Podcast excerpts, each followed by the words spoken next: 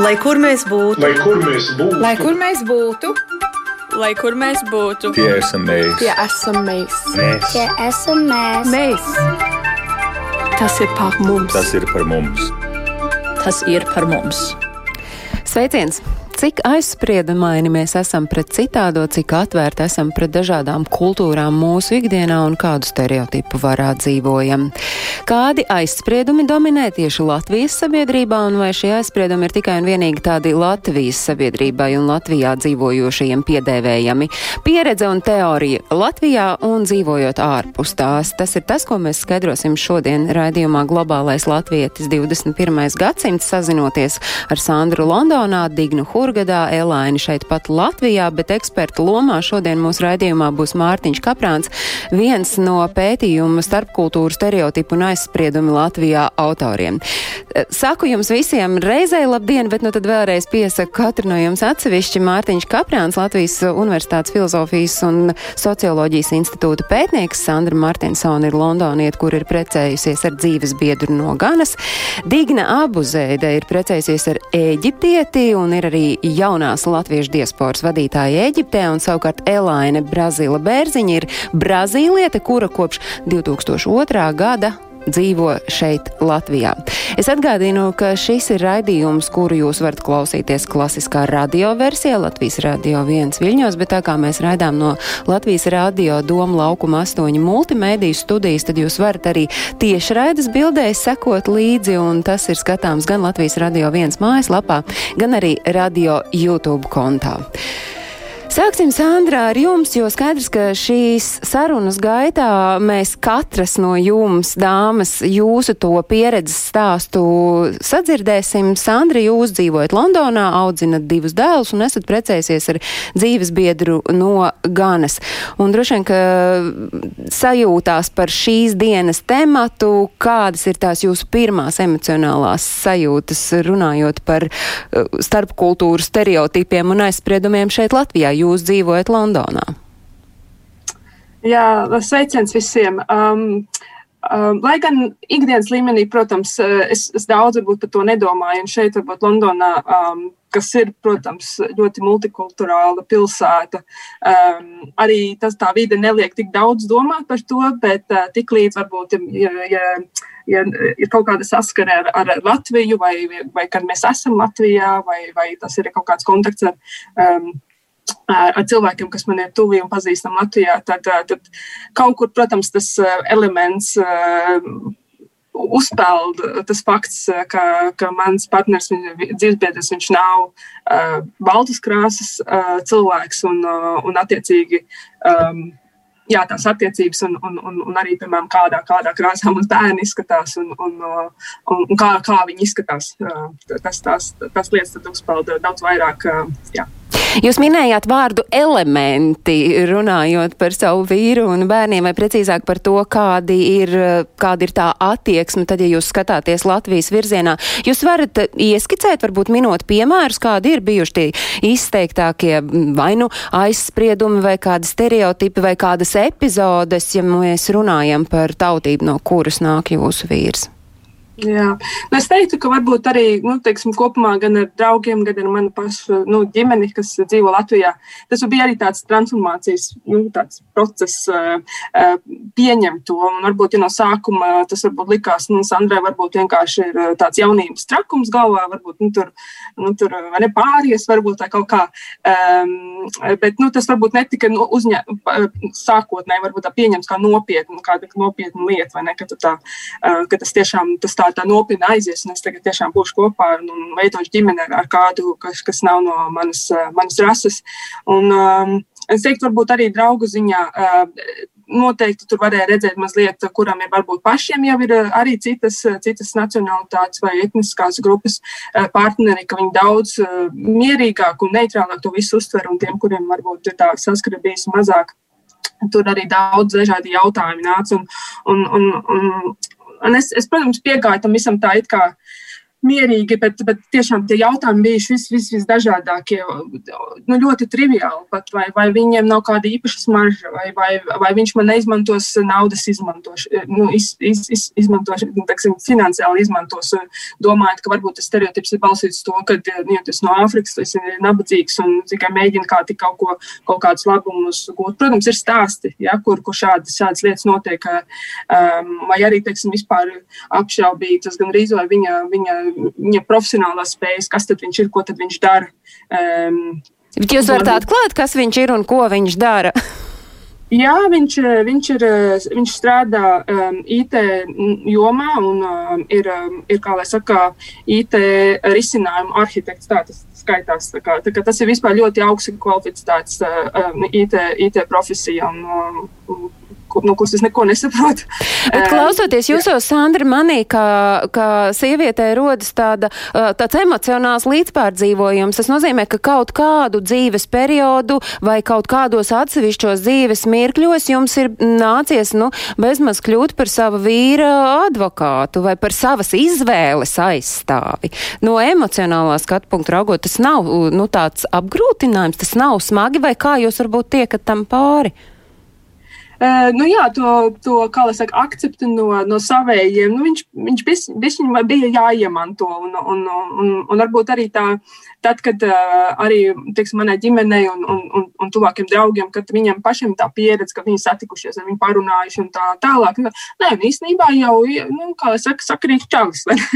bet, bet, bet tam visam bija jāiziet cauri. Tas nebija, tas nebija, kā lai saka, no, no pirmā punkta. Un, un arī tie, teiksim, varbūt tādi jautājumi vai tās bažas, kas, kas bija, to varbūt neuz, neuzdoties teikt, to es tagad draudzējos ar, ar Jāni no Bauskas. Ja? Tā, tā, tā, nu, Tas bija, protams, viss balstīts vairāk uz tiem stereotipiem, kas ir saistīts ar, ar to, ka viņš ir citas, citas krāsas cilvēks.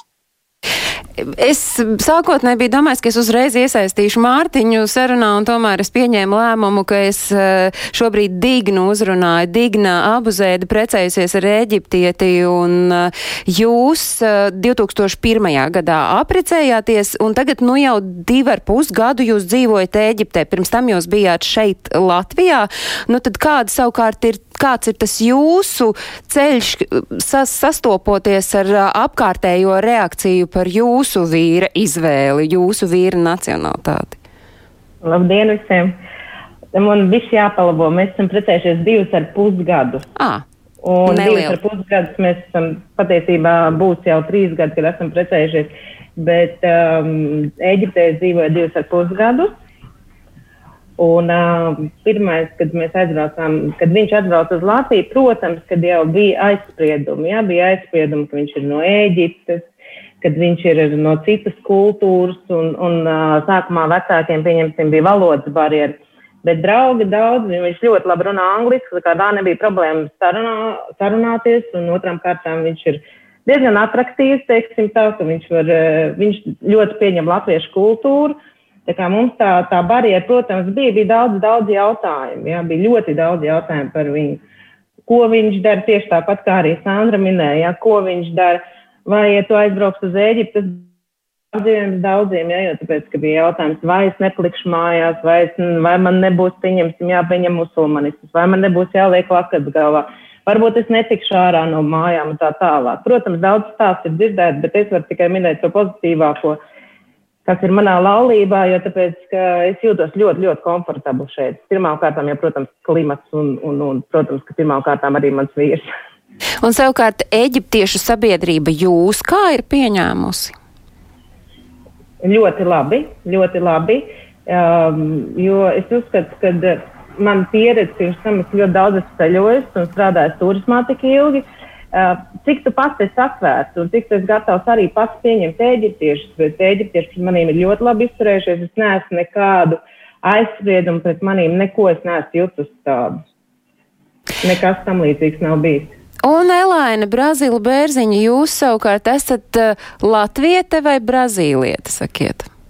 Es esmu brazīliete, ne, piedzimu Brazīlijā. Kad man bija 18 gadus, tad es, es satiku ar Hansu. Hans antes, né? Bet viņa mamma te, uh, liek Hansa vārdu, ja? Viņš, bet vectētiņš bija ansis. Un tad viņš ir uh, Brazīliet, Latvijas no Brazīlijas. Ja? Tēvs, un, tēvs piedzima Tausos, uh, un mamma piedzima Latviešu kolonijā Varpā. Un tad mēs tikamies, ja universitātes laikā viņš jau bija inženieris. Es studēju tajā laikā, mēs satikāmies liela pilsētā, un tad veidojam, sākam attiecības sākas. Ja, tad es esmu brazīliete, viņš ir 100% lat, latvietis, es esmu 100% lat, brazīliete, bet es esmu šeit kopš 2006. gada. Nav otrajā gada, bet 6. gada. Šogad būs 15 gadus, kad mēs te esam. Un 2015. gadā es dabūju pils, pilsonību, ja es nolieku eksāmenu. Nu, kāda bija tā sajūta jums šeit atbraucot? Cik jūs tikāt pieņemta šeit Latvijā, latviešu sabiedrībā? Man bija drusku otrādi. Jā, es nezinu, ka latvieši mīl Brazīliju. Jā, es nezinu, vai mīl, vai mīl ko domā par Brazīliju, vai ko redz e, Izaura, vai citus, e, no, citus seriālus, vai ne. Un tad es biju, es nebiju Izaura, bet bet man, verdzene, bet man pieņēma ļoti daudz, ja? ļoti brīvi un, un, un, un ar, ar lielu mīlestību. Varu, varu teikt tā. Un te es iesaistu Mārtiņu Kaprānu šai sarunā. Mārtiņa starpkultūru stereotipi un aizspriedumi Latvijā. Tas ir tas, kam jūs esat pievērsis uzmanību. Mēs tagad trīs dažādus pieredzes stāstus esam dzirdējuši, bet droši vien, ka sākam ar to, kāpēc jūs nolēmāt, ka tieši šādā virzienā ir jāpēta un, un ir jāpēta gan stereotipi, gan aizspriedumi, kas ir saistīti ar starpkultūru uh, ainu šeit Latvijā? Nu, uh... Viss vis trīs iepriekšējās runātājas lielā mērā būtībā arī izskaidro to, proti, ka tie 15 pēdējie vai 20 uh, gadi, vai patiesībā situācija pēc neatkarības atjaunošanas ir bijusi saistīta ar nepārtrauktu uh, globalizāciju, cilvēku mobilitāti un, un jaunu kultūru. Tā skaitā nu, Latvijai pavisam nu, nezināmu, nepazīstamu kultūru ienākšanu. Un, un, un, un pamatos rodas jautājums mums, kā pētniekiem, un droši vien arī sabiedrībai, un arī valsts politikas veidotājiem, kā tad vietējie cilvēki uztver šīs jaunās kultūras, gan cilvēkiem, aizbrauc, Latvijas iedzīvotājiem aizbraucot un sākot dzīvi citur, vai arī šeit atbraucot cilvēkiem no citām kultūrām, un, un kā viņus uztver. I, īpaši, ja tie ir cilvēki no citas rases vai citas reliģiskās grupas.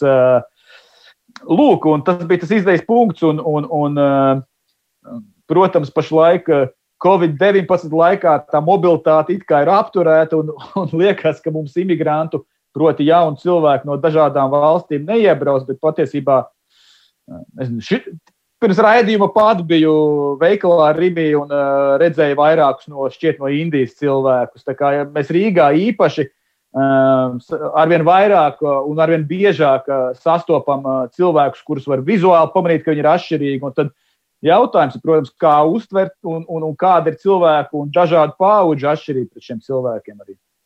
Pirms mēs eh, mazliet vairāk par pētījumu, es gribētu, vai jūs varat, Mārtiņ, eh, nu, tā pavisam īsi, bet nu nokomentēt katras no eh, iepriekš runātājām viņu pieredzes stāstu, nu, piemēram, Sandras pieredzes stāstu. Kā jūs nokomentētu? Salīdzinot, piemēram, ar, ar to, ka Elaina šeit jūtas uzņemta ar atplestām rokām. Nu, Sandras pieredzes stāsts droši vien ir tāds arī klasisks, jo uh, nu, tas, ar ko mūsu pētījums parāda, ka cilvēki ar atšķirīgu ādas krāsu Latvijā, protams, vienmēr, nevis protams, bet šis pētījums to arī parāda, ka nu, es nerunāšu reiz par aizspriedumiem, bet ir, ir sagaidāma teiksim, atšķirīga, atšķirīga reakcija bieži vien. Un, un, un, Protams, ir jautājums par to, vai, vai tie, kas, respektīvi, kurā vietā mēs ieraugam šos cilvēkus ar atšķirīgu vārdu krāsu. Jo viens ir Rīga, un otrs ir, piemēram, kāds mazs lauku pagasts. Un tad mēs varētu sagaidīt, varbūt, un tā, tā ir vairāk varbūt jau spekulēšana ar lielāku varbūtību mēs Rīgā varētu sagaidīt varbūt mazāku uzmanību, ņemot vērā, ka īpaši pēdējos desmit gados tā teikt, tā daudzveidība mums arī oficiālā statistika parāda, ka ārzemnieku īpatsvars Rīgā ir visaugstākais Latvijā. Līdz ar to mēs varētu pieņemt arī, ka dažādi ātrās cilvēki ir visaugstākais īpatsvars tieši Rīgā. Savukārt, ja jūs, piemēram, aizbrauksiet, es nezinu, uz kādu vidzemes vai kurzemes pagastu, kur varbūt ikdienā tos cilvēkus mazāk var redzēt citu ādas krāsu, tad uh, ir lielāka varbūtība sastapt arī aizspriedumus. Un arī aizspriedumus nevis tikai no vecākās paudzes cilvēkiem, bet arī varbūt uh, nu, teiksim, bērn, bērns arī skolā var sastapties uh, ar lielāku varbūtību. Ir šie stāsti dzirdēti. Es pats esmu arī teikt, bijis saistīts ar remigrācijas pētījumiem, kur atbrauc uh, teikt, jauktas rases nu, ģimene, kur ir teikt, tā, bērniem īpaši laukos jāsastopās ar varbūt ne to patīkamāko attieksmi no saviem vienaudžiem. Un tas ir fakts, un tas ir diezgan skaudrs, citreiz arī fakts. Tas ir fakts, un par to mēs arī mūsu raidījumā esam runājuši, tieši runājot ar ģimenēm, kuras ir šo pieredzējuši. Bet jautājums ir katram no jums, nu, kur tad ir tie iemesli, no kurienes rodas šāda attieksme? Sandra, varbūt jums ir atbilde, domājot par to. Mikrofons ir? Tas, jā, um, tas ir, manuprāt, jā, interesants jautājums, jo arī pēc manas pašas novērojumiem es, es nevarētu teikt, ka vienmēr vecums ir tas, kas, kas teiksim, būtu paralēls ar vecumu. Tas vienmēr nav tā bijis. Arī teiksim, izglītības līmenis arī nav vienmēr tā bijis. Un, um, un, un, un arī, piemēram, domājot pati par, par, par savu to um, ceļu līdz, līdz šim arī, arī ne, un, un tomēr es, nu, līdzīgs ir pieredze, kā arī varbūt man, maniem draugiem un vienaudžiem Latvijā. Uh, un arī, piemēram, tie, tie latvieši, kas pat dzīvo šeit, ir arī ļoti daudz. Sastapusi, kam, kam turpinam būt diezgan, diezgan tādi uh, Eh, nu, tiksim, rasistiski eh, eh, priekšstati par lietām, pat dzīvojot te, ja, ļoti multikulturālā vidē. Tā kā, man liekas, tas ir kaut kas ļoti nu, daudz dziļāks, no kurienes tieši šī te, te, tā, tā neiecietība aug un, un, un veidojās un, un uzturās pat, pat, pat, kad kaut konteksts veidojās un pat, kad viņiem arī ir iespēja iepazīt cilvēkus, ja, nav tā, ka viņi nepazīst nevienu, piemēram, melno cilvēku un viņi nezin, kā, kā, kā lietas ir. Tā, tas patiesībā man ir diezgan tāds vēl ar vienu tāds arī liels jautājums, no, uz, kā, uz kā tas balstās,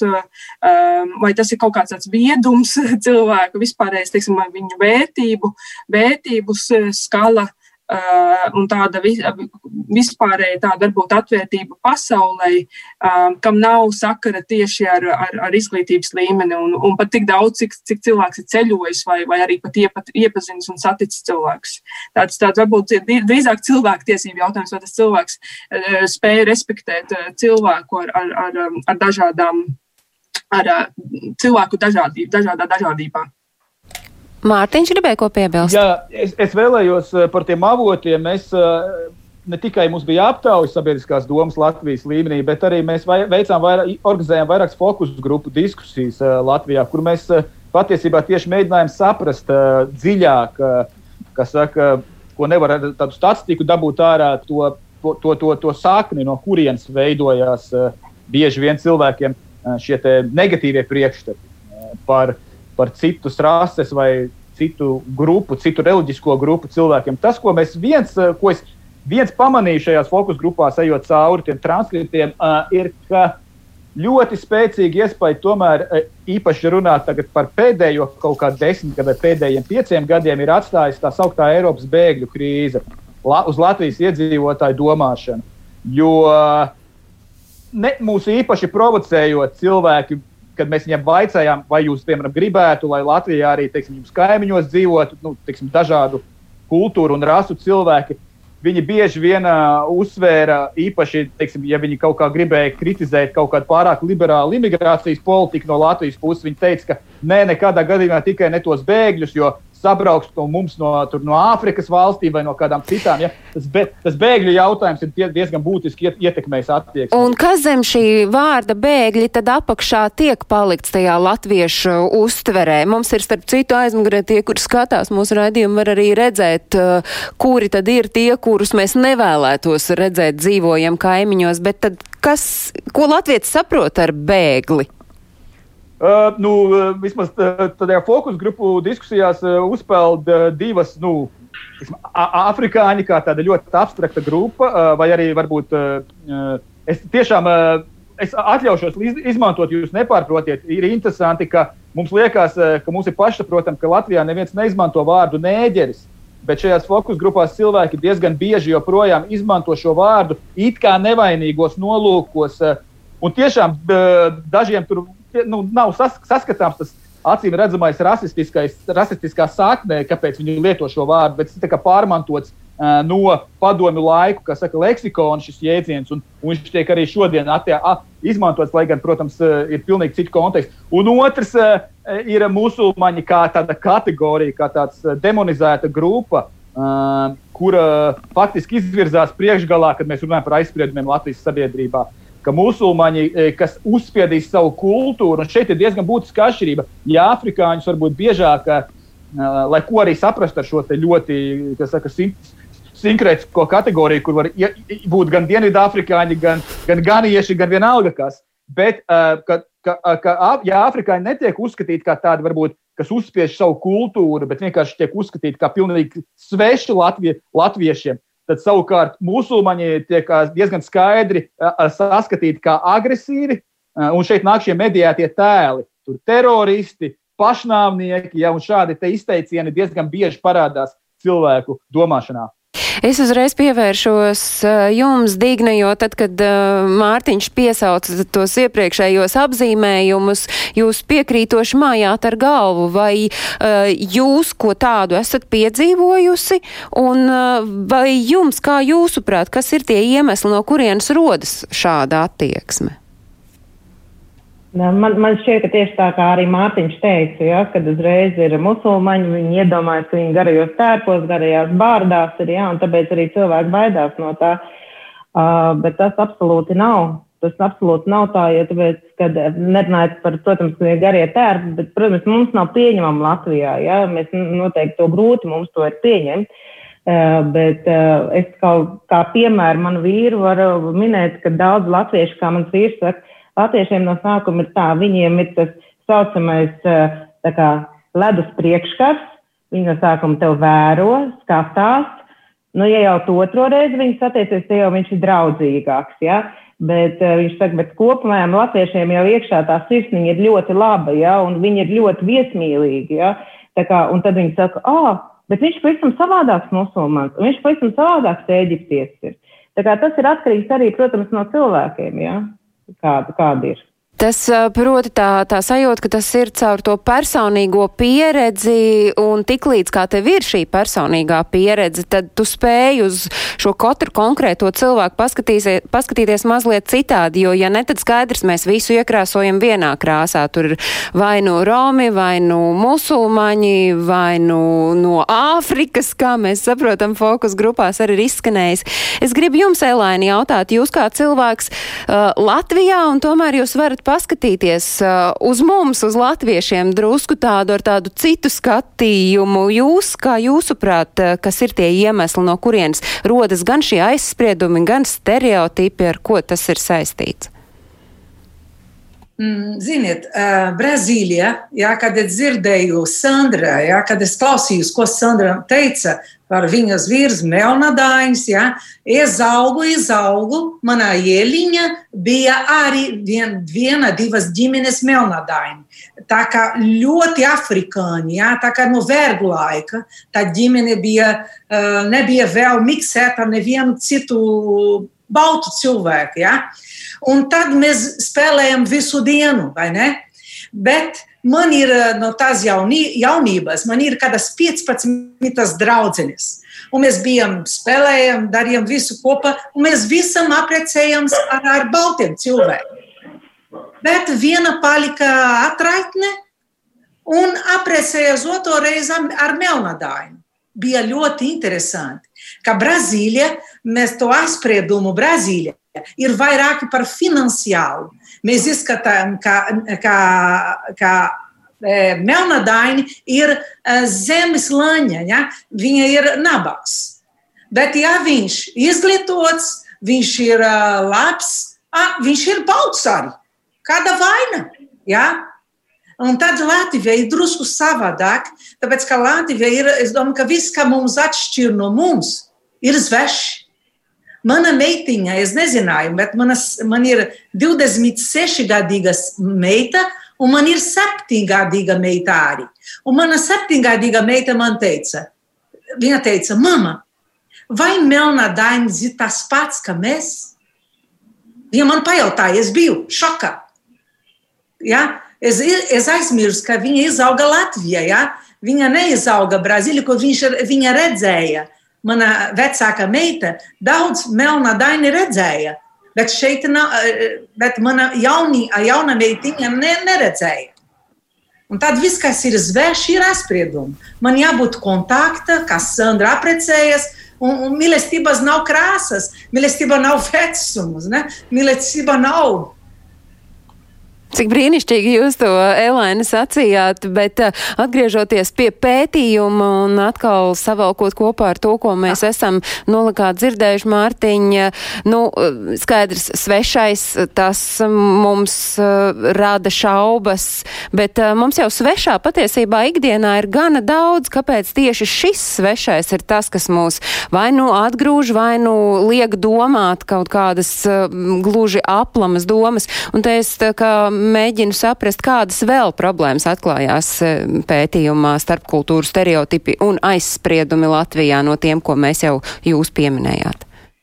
Jā, es e, no sākuma varbūt ātri komentējot to, ko jūs e, vaicājat. Es gan neredzēju tos, neredzu tos grafikus, laikam tīri tehniski, bet uh, nē, nē, es domāju, ka es neredzu, tāpēc nezinu, vai, vai es kaut ko neatkārtošu. Bet, uh, Tas, ko mēs ļoti skaidri ieraugam, ja runā par tādu cilvēku savstarpējo miedarbību un kontaktiem, ka pret tiem citādajiem, pret rases ziņā citādajiem vai reliģijas ziņā citādajiem cilvēkiem, citādākiem nekā saka, vidusmēra latviešu, Latvijas iedzīvotājiem.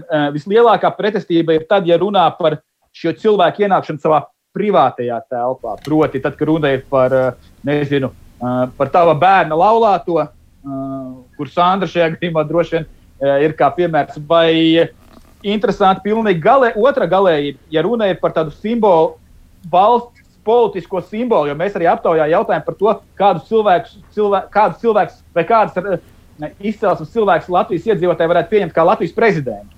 Un tad mēs redzējām, ka, nu, ka protams, jo tā kultūra ir tālāka ja, un, un, un svešāka pret eh, to pamatkultūru, tad tā pretestība pret to cilvēku izcelsmi kā prezidentu būtu arī lielāka. Lai gan mums pārsteidz, ka, piemēram, eh, indiešu izcelsmes cilvēkus eh, Latvijā būtu diezgan pat uh, gatavi pieņemt pietiekami liela sabiedrības daļa.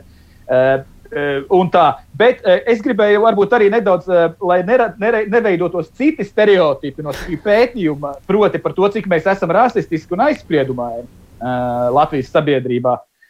Patiesībā jau mūsu kvantīvie dati, vismaz uz tiem jautājumiem, ko mēs uzdevām, tā skaitā diezgan provokatīviem, vai cilvēki uzskata, ka daži rasu cilvēki piedzimst inteliģentāki nekā citu rasu cilvēki nu, restīvi ļoti provokatīvi jautājumi. Un Latvijas lielākā daļa sabiedrības, protams, ir vairāk nekā puse, tas ir pat vairāk, tur pie divām trešdaļām, nu, tomēr nesliecas atbalstīt šādus klaji rasistiski orientētus pieņēmumus attiecībā uz citu kultūru un citu rasu cilvēkiem. Tā kā es tomēr arī gribētu saskatīt tajos mūsu datos un mūsu, mūsu pētījumā arī šo pozitīvo pusi. Protams, mēs vienmēr varam pieņemt, ka ir daļa, kas sevi apspiež rasismu un uh, publiski un aptaujās vienmēr mēģina sniegt pareizās atbildes.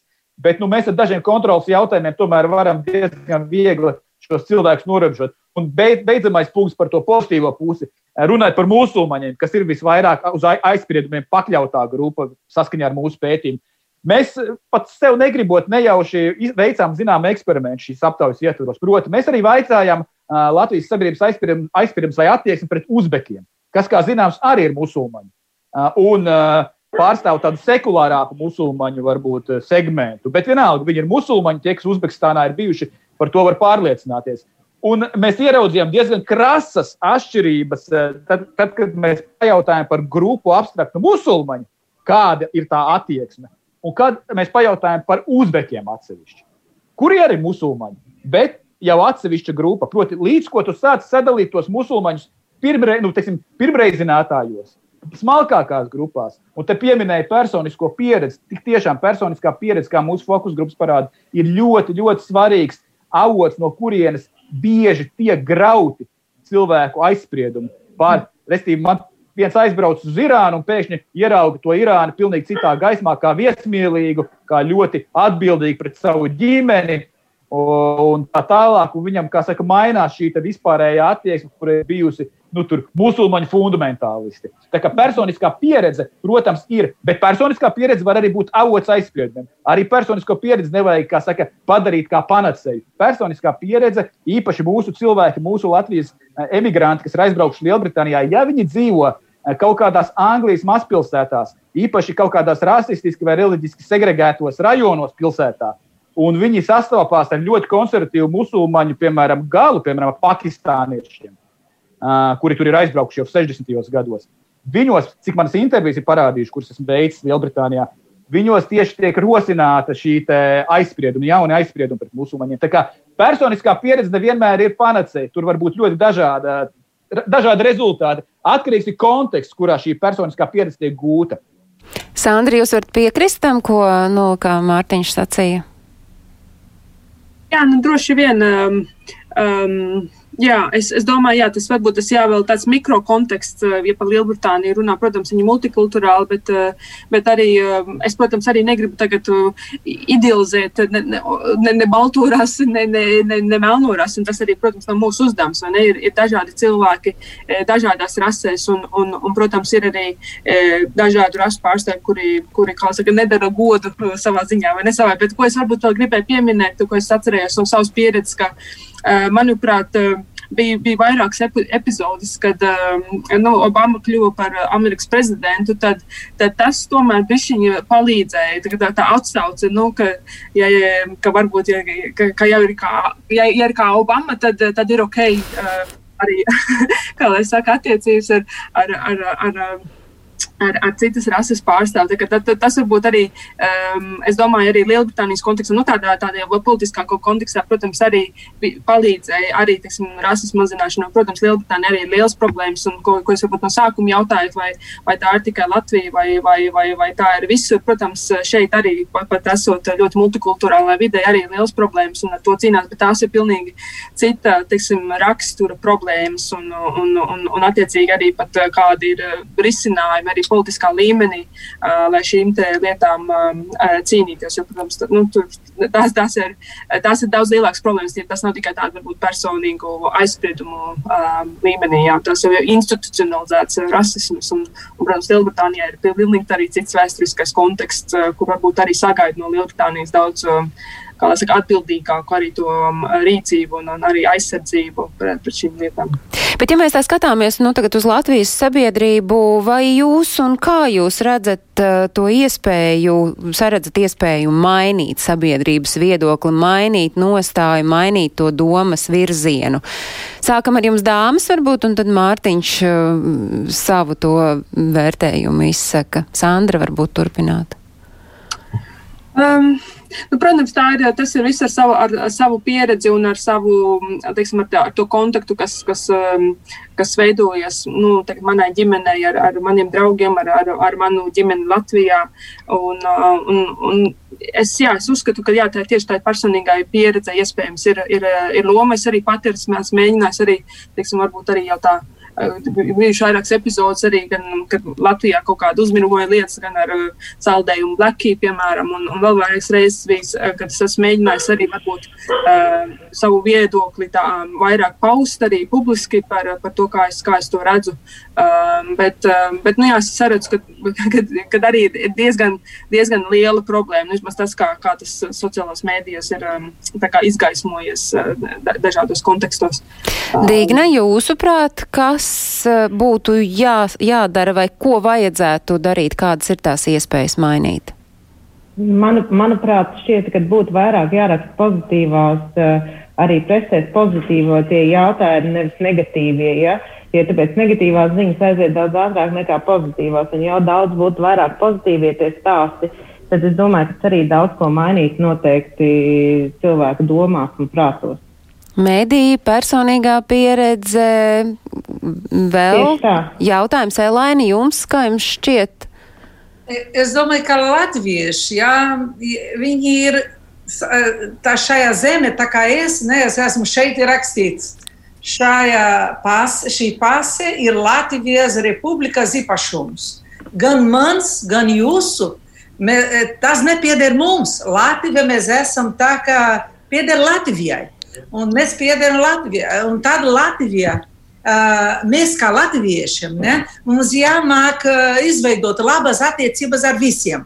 Ja mums neder, ja mēs redzam, ka viņi dara kaut ko nepareizi, kas šeit nav pieļa, pieejams, kā poligamija vai kā um, um, tā kā notika ar to profesors um, Francijā, ne, bija kāda milzīga milzīgs sliktums, vai fundamentālists musulmaņi to izdarīja, tā mēs sakām, nē, šeit tu mums neder. Paldies, ejiet ārā, tāpēc ka šajā zemē mēs nevaram tevi pieņemt. Kā visi fundamentālisti, vai kristieši fundamentālisti, vai musulmaņi fundamentālisti, vai vienalga ko fundamentālisti. Ja? Mums jānebaidās sa sakt, kontaktēt ar cilvēku, tāpēc ka varbūt šo cilvēku būtu ļoti noderīgi Latvijai ļoti noderīgi. Ja? Viņš nav latviečs, bet būs, būs o, tūkstots. Bet mums jāsāk, šeit ir Latvija. Un šeit ir, mums ir savas, sava konstitu, konstitu, e, savu satvērsme, mums ir savs stāsts, mums ir sava vēsture. Ja jūs gribat nākt un būsi plusiņš, lūdzu, nākt. Bet, ja nē, ja tu dari kaut ko pāri robežām, ej prom. Šeit tu neesi tu neesi vajadzīgs. Tie, kuri klausās eh, radio mūsu raidījumu, es gribu teikt, ka Elēna rādīja savu Latvijas pasi tajā mirklī, kad viņa sacīja, ka tas nav viņas īpašums, bet tas ir Latvijas, tā kā Elēnas pase ir eh, šeit eh, arī raidījumā klātesoša. Mārtiņa, Kā jūs redzat to iespēju mainīt sabiedrības viedokli un nostāju, un tad uzreiz varbūt no tā izriet arī nākamais papildi jautājums, kādi būtu mūsu pašu ieguvumi, kļūstot pieņemošākiem? Jā, paldies. Ļoti būtisks un svarīgs jautājums, par kuru varbūt mums pašlaik Covid-19 gaismā negribās domāt, bet, protams, Covid pāries un mūs atgriezīsimies arī pie cilvēku mobilitātes. Un arī kas saka, tās kultūras, kuras Latvijā jau dzīvo, šo jautājumu aktualizē. Es divas lietas nosaukšu. Viņas ir abstraktas, bet vienlaikus ar ļoti praktisku saka, rezultātu. Viens ir, ka, un to mums arī nesen aizliegtais paņēmiens ar saviem eksperimentiem parādīja, kur skatījās, kā tiek uztvērti dažādu rasu cilvēki, kuri strādā Latvijā dažādās vietās, ir tas, ka valsts tiesību sargājušās institūcijas vēl aizvien varbūt nav īsti sagatavots, sagatavots atzīt uh, aizspriedumainu un bieži vien varbūt arī uh, uh, kaut kādā uz starprasu naidu orientētu uh, attieksmi sabiedrībā. Atpazīt, konstatēt un, ja nepieciešams, arī koriģēt ar uh, tiesību, ar, ar, dažādiem, ar dažādiem instrumentiem. Uh, pašā galējākajā gadījumā ar represīviem instrumentiem. Bet vienmēr sakot, ka ir jābūt uh, saka, jābūt sagatavotai šai videi, kurā, kurā aizspriedumi netiek atzīti, netiek, netiek pieņemti un tie tiek nosodīti pirmkārt no valsts puses. Bet arī, protams, ļoti svarīga loma ir pilsoniskai sabiedrībai. Gan, tās, gan tie ir mēdīji, gan tā ir nevalstiskās organizācijas, kuras iesaistās ikdienā šī te, saka, iejūtīgās un, un, un, un, un, un, un saprotošās un pieņemošās, kā jūs minējāt, attieksmes veidošanā. Un runājot par to, kādi mums būtu iegūmi, es, jautājums ir vispār, ko, vai, vai kādi var būt iegūmi no no otras puses var pajautāt, kāda var būt iegūmi no sabiedrības, kas dzīvo dažādās noslēgtās grupās un viena ar otru nesastopās un viena pret otru slēpj savus kaujas cirvīšus un azīšus kaut kur aiz muguras.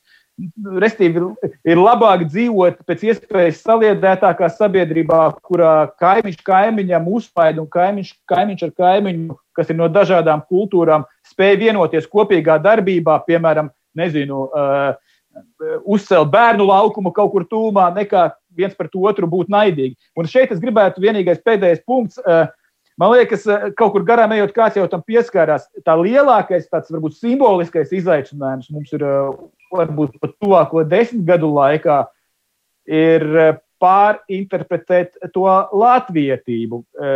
Elaina te rādīja to pasi, Jo kas tad ir Latvijas pareizi un globālais Latvijas, ko mēs saprotam ar latviešiem? Un, un lūk, tas ir lielais izaicinājums, kā, kā mēs pārinterpretējam un paplašinām latviešu izpratni par latviešiem. Un ja mēs to būsim spējīgi, un to, to nevar izdarīt vienas dienas laikā, tam jānāk ir, jānāk ir caur izglītības programmām, un tam ir jānāk arī caur dažādiem citiem veidiem, tā ir skaitā caur politiķu runām, ka šauri noslēgta Eh, kategorija, kas eh, ir kaut kādā veidā balstīta šauros kritērijos, eh, protams, izslēgs ļoti lielu daļu no latviešu kopienas. Un tāpēc ir svarīgi, lai, me, lai, lai tiek šī latviešu kategorija saglabāta maksimāli, maksimāli atvērta ikvienam, kurš vēlas identificēties ar, ar latviešu, latvietību. Mārtiņ, principā jūs eh, ļoti plūdeni jau pārgājāt uz kādu no mūsu raidījuma nākamajiem tematiem, jo tieši īsi pirms raidījuma mēs ar eh, mūsu producentu Santu Laugu par to runājām, ka šis mūsu šodienas temats mums liek paskatīties uz to, kas vispār ir latviets un, kā jūs minējāt, globālais latviets 21. gadsimtā. Ar to arī mēs šoreiz šai sarunai pieliekam tādu daudz punktu, jo man ir sajūta, ka mēs ar katru no jums noteikti vēl kādu reizi satiksimies šai raidījumā. Saku paldies Elainai Brazilai Bērziņai, Brazīlietei, kura ir ar Latvijas pasi, bet ir Brazīliete. Dignai Abuzēdai, kur dzīvo Ēģiptē un ir jaunās latviešu diasporas vadītāja Ēģiptē. Saku paldies arī Sandrē Martinsonai Londonā un Mārtiņam Kaprānam Latvijas Universitātes filozofijas un socioloģijas institūta pētniekam. Paldies, ka jūs veltījāt savu laiku mums. Paldies klausītāji un skatītāji, ka jūs savukārt arī bijāt kopā ar mums. Ārpus Ārpus Latvijas dzīvojošajiem aktuālo notikumu kalendāru jūs varat meklēt portālā latviešu.com. Tur jūs varat arī skatīties mūsu raidījumu Globālais Latvijas 21. gadsimts, un raidījumu varat meklēt arī Latvijas radio viens mājaslapā, bet raidījuma radioversijas atkārtojums skan katru svētdienu uzreiz pēc ziņām trijos. Mēs ar jums skatītāji un klausītāji tiekamies pēc nedēļas pirmdienā. Lai jums visiem ir jauka nedēļa un izdodas visi darbi un arī nedarbi. Atā!